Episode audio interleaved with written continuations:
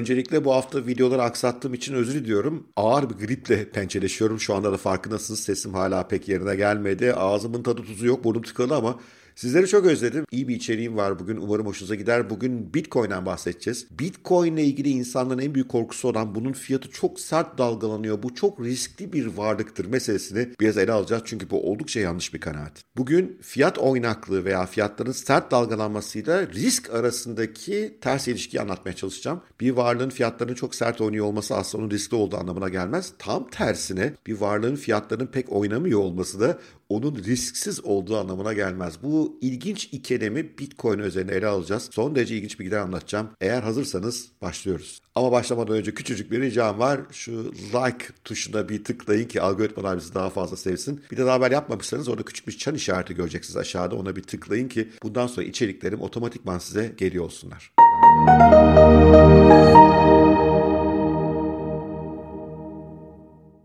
Öncelikle şuna bakalım. Bitcoin'in fiyatı oynak mı? Hakikaten çok oynak. 2021 yılında bir ara 62 bin dolara çıktı. Oradan 29 bine indi. Sonra 69 bine çıktı. Oradan 34 bine indi. Fiyat oynaklığının Allah'ı bu. Peki bu yürekleri hoplatan fiyat oynaklığı Bitcoin'e riskli bir varlık mı kılıyor? Hayır. Çünkü fiyat oynaklığı başka bir şey, risk başka bir şey. Risk konusundaki kitaplarıyla tanınan Nicholas Taleb, riskle oynaklığın farkını çok ilginç bir örnekle anlatır. Talebin örneğinde iki ayrı meslek grubu var. Bir tanesi zanaatkarlar mesela bir tesisat ustası, diğeri de beyaz yakalılar, iyi bir şirkette çalışan beyaz yakalılar. Ve Talep sorar bunların hangisi daha riskli bir meslek? Çoğunuz tesisat ustası olmanın daha riskli bir meslek olduğunu düşünüyor olabilir. Niye? Çünkü o gün iş olacak mı olmayacak mı belli değil vesaire. Buna karşın beyaz yakalıkta maaş düzenli, her şey güzel akıyor. O daha az riskli. Değil mi? Öyle geliyor ama yanlış. Çünkü beyaz yakalının işinin devamlılığı bir kişinin kararına bakar. Patron bir gün onu işten atıverir, bitti. Tek kişinin kararına bağlı ve bir anda geliri sıfırlanabilir ki en büyük risk burada gelirinizin sıfırlanması. Buna karşı tesisatçının işleri oynak olabilir. Bir gün iyi olur, bir gün kötü olur, bir gün iyi bir proje alır, öbür gün kötü bir proje alır. Ama hep tesisatlar bozulacaktır ve böyle baktığımızda da tesisat ustası muhtemelen asla işsiz kalmayacaktır. Evet geliri oynaktır ama aniden sıfırlanma ihtimali neredeyse hiç yoktur. Şimdi bu örnekten yola çıktığımızda Bitcoin'in fiyatı oynak onu kabul ettik. Peki sıfırlanma riski yüksek mi düşük mü? Bence son derece düşük. Neden? Bitcoin çünkü aslında en öngörülebilen sistem bu evrende. Üretim adetleri belli, ne zaman üretileceği belli. Bu dağıtık bir yapı, kimse bunu kapatamıyor, engelleyemiyor. Bu algoritmik bir yapı, bir kurallar silsilesi, o kuralları da kimse kafasına göre değiştiremiyor. Bitcoin'in hangi yılda kaç adede ulaşacağını biliyoruz. Enflasyonist bir ani sürpriz yok. Kimse gelip onu bir anda değiştiremiyor böyle baktığınızda Bitcoin'in riski bence mesela Türk lirasına göre çok daha düşük. Çünkü Türk lirasında bir merkez bankası var, bir hükümet var. Kararlar alıyorlar ve fiyatı aynen etkiliyorlar.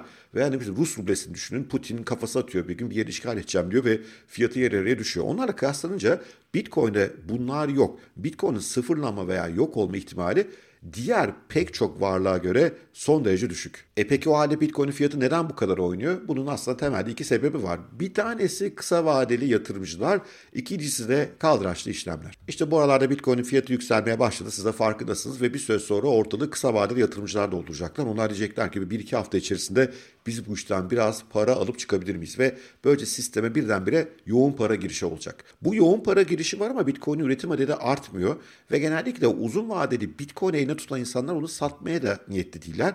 Bundan dolayı fiyat ne yapacak? Yükselmeye başlayacak. Fiyat yükselmeye başladıkça daha da çok risk iştahı olan insanlar kaldıraçlı işlemlere girecekler. Diyecekler ki ben bir koyarım, beş alırım. Bu işlemler biliyorsunuz çok daha riskli işlemler. Çünkü hedeflediğiniz fiyat gerçekleşmezse paranız tamamen sıfırlanabiliyor. Balinalarda denen büyük bitcoin yatırımcıları ellerinde çok sayıda bitcoin olanlar da bu durumu gözlemliyorlar hep. Ve bakıyorlar ki ortalık böyle acemi yatırımcılarla doldu. Çok riskler alındı, kaldıraçlar var. Bir gün gidiyorlar borsalarda biraz bitcoin satı veriyorlar. Fiyat aşağı doğru düşmeye başlıyor. Ama normalde düşeceğinden daha çok hızlanarak düşüyor. Neden? Çünkü kaldıraçlı işlemler patlamaya başlıyorlar ve fiyat bir anda %50'ye yakın birkaç gün içerisinde gerileyebiliyor. 2021'de demin de söylemiştim bunu iki kez yaşadık. Bu çerçeveden baktığımızda özellikle FTX borsası üzerinde yapılan kaldıraçlı işlemlerin Bitcoin'e zararlı olduğunu düşünüyorum. Ama bir yandan da aslında sisteme para girişi gerçekleşmiş oluyor ve de enteresanı bu sert düşüşlerde her seferde en dipteki rakam bir önceki en dibin epey üzerinde oluyor. Mesela geçen sene baktığımızda ilk sert düşüş 29 bindeydi. ikincisinde ise 34 bindeydi. Zaten baktığımızda Bitcoin'in yıllık ortalama artışı %200 civarında 11 yıldır. Arada düştüğü 1-2 yıl var ama ben ortalamadan bahsediyorum. Böyle baktığınızda aslında Bitcoin hep yukarıya doğru gidiyor. Ama aralarda bu işte acemi kısa vadeli yatırımcılar ve kaldıraçlı işlemler yapanlar yüzünden fiyat sert dalgalanabiliyor. Peki bu nereye kadar gidecek? Bence daha bu dalgalanmalar biz bayağı boğuşuyor olacağız. Bunun birkaç sebebi var. Bir tanesi Bitcoin henüz küçük bir varlık. 1 trilyon dolarlık bir varlık. E bunun içerisinde bir 15-20 milyar dolar gün işlem yapabilen birisi olursa bütün fiyatı bütün piyasalarda etkileyebiliyor. Altın 11 trilyon dolarlık bir varlık. Onu etkilemek daha zor. İkincisi Bitcoin henüz çok genç bir varlık. Hangi durumda ne tepki vereceğini tam olarak bilmiyoruz. Mesela savaşta ne tepki verecek? Oysa altını biliyoruz 10 bin yıldır bizlerle beraber. Bundan dolayı da Bitcoin yatırımcıları biraz daha ürkek olabiliyorlar. Özellikle de son zamanlarda Bitcoin'e yatırım yapan kurumsal yatırımcılar işte hedge fundlar mesela onlar daha da ürkekler çünkü onlar bu işe bir uzun vadeli holding etmesi gereken yani uzun vade elde tutulması gereken varlık olarak da görmüyorlar. Kısa vade spekülasyondan para kazanmak istiyorlar ve işler biraz terse giderse hemen satıyorlar. O da satış süreçlerini hızlandırabiliyor. Bütün bu sebeplerden dolayı Bitcoin'in fiyat oynaklığını bir sorun olarak değil, Bitcoin'i bir özelliği olarak görmeniz lazım. Son derece genç yeni bir varlık sınıfı bu. Üretim adetleri kısıtlı o yüzden ani talep gelişlerinde fiyat yükselebiliyor. Bir market maker yok. Borsa 7.24 açık. Çok sayıda dağıtık borsada işlem görüyor ve de üzerine kaldıraçlı işlemler bunun fiyatının oynamasını beklemekten daha doğal bir şey yok. Ama daha önce anlattığım şeyler kafanıza yatmışsa bir risk yok aslında fazla çünkü hep yukarıya doğru gidiyor. Devletler bunu yasaklar mı diye biraz korkuluyordu. Görüldü ki o da mümkün değil. Çin bile yasakladı. En büyük devletlerden bir tanesi Bitcoin tık demedi aslında. O yüzden o riski de atlattığımıza göre e, Bitcoin'in teknolojisine güveniyorsanız ortalıkta ciddi bir risk de yok. Fiyatı da zaten yıllık ortamında %200 yukarı doğru gidiyor. Gidiyor da gitmesine eğer 69 binden alan birisiyseniz Bitcoin'e en son dalgalanmada şu anda bana küfür ediyor olabilirsiniz. Çünkü hocam bunları anlatıyorsun ama ben 69 binden aldım ben büyük zarardayım diye olabilirsiniz. Ama bu bence Bitcoin hatası değil. Sizin yanlış yatırım stratejiniz. Bu kadar sert oynaklığı olan ama genel yönü yukarı doğru olan varlıklarda ne yapmak gerekir? Dollar cost average. Daha evvel de birkaç kere anlattım. Ortalama dolar maliyeti yapmak gerekir. Çünkü ani büyük bir alım yaptığınızda fiyatın zirvesinden alıyor olabilirsiniz. Yani herkes dipten almak ister de onu tutturmak o kadar kolay değil. Veya ani büyük bir satış yaptığınızda belki de en dip fiyattan satıyorsunuz. Herkes zirvede satmak ister ama o mümkün değil. O zaman bu sert dalgalanan şeylerde her hafta düzenli alım yaparsanız veya her ay nasılsa artık sizin bütçeniz düzenli şekilde alım yapıyorsanız bu sert dalgalanmaları ortadan kesen ortalama maliyete sahip olursunuz. Bu da sizi bu sert dalgalamalardan korur ve yukarıya doğru uzun vadede giden bir varlıkta doğru bir yatırımcı profili çizmiş olursunuz. Eğer Bitcoin'e yatırım yapmak istiyorsanız ikinci düşünmeniz gereken de vadenizin uzun olması. Çünkü kısa vadede Bitcoin'in fiyatını kimse asla bilemiyor. E o zaman ne yapmak lazım? Eğer bunu uzun vadede güçlü bir varlık olduğuna inanıyorsanız uzun vadeli yatırım yapmanız lazım. Dollar cost average ortalama dolar maliyette uzun vadede yatırım yaparsanız Bitcoin'e zarar etmek pek mümkün değil. Tabi buradaki tek mesele Bitcoin'in fiyatı bir gün aynen sıfırlanır mı? Yani o düşük risk gerçekleşebilir mi? Bitcoin tamamen ortadan kalkabilir mi? Bence bu risk düşük ama ne gibi faktörler bunu sağlar? Bir de ona bakalım. Benim gördüğüm en büyük risklerden bir tanesi bir kuantum bilgisayarı gelişir ve Bitcoin şifrelerini kırabilir. Bu mümkün mü teknolojik olarak? Mümkün. Uzak bir ihtimal ama bence mümkün.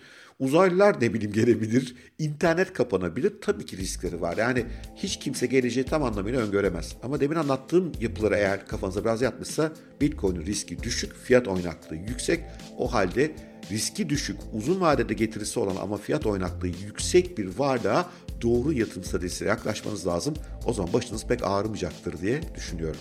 Ve aslında bakarsanız bu şekilde yaklaşıp uzun vadede Bitcoin elinizi tutarsanız ve böyle yapan insanların sayısı artarsa Bitcoin'in fiyat stabilitesi de daha güçlü hale gelecektir. Çünkü gittikçe daha az insan Bitcoin'i bu ani iniş çıkışlarda satacağından fiyatlar bir süre sonra daha iyi bir yere oturacaktır. Zaten o konuda aslında yol alıyoruz. Yani Bitcoin ilk dönemle kıyaslayınca fiyat dalgalanma nispeten daha az.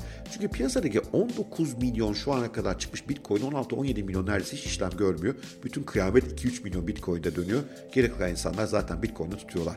Tutanların sayısı arttıkça da bu fiyat dalgalanmaları azalacak. Ama bu kısa vadede olacak bir şey değil.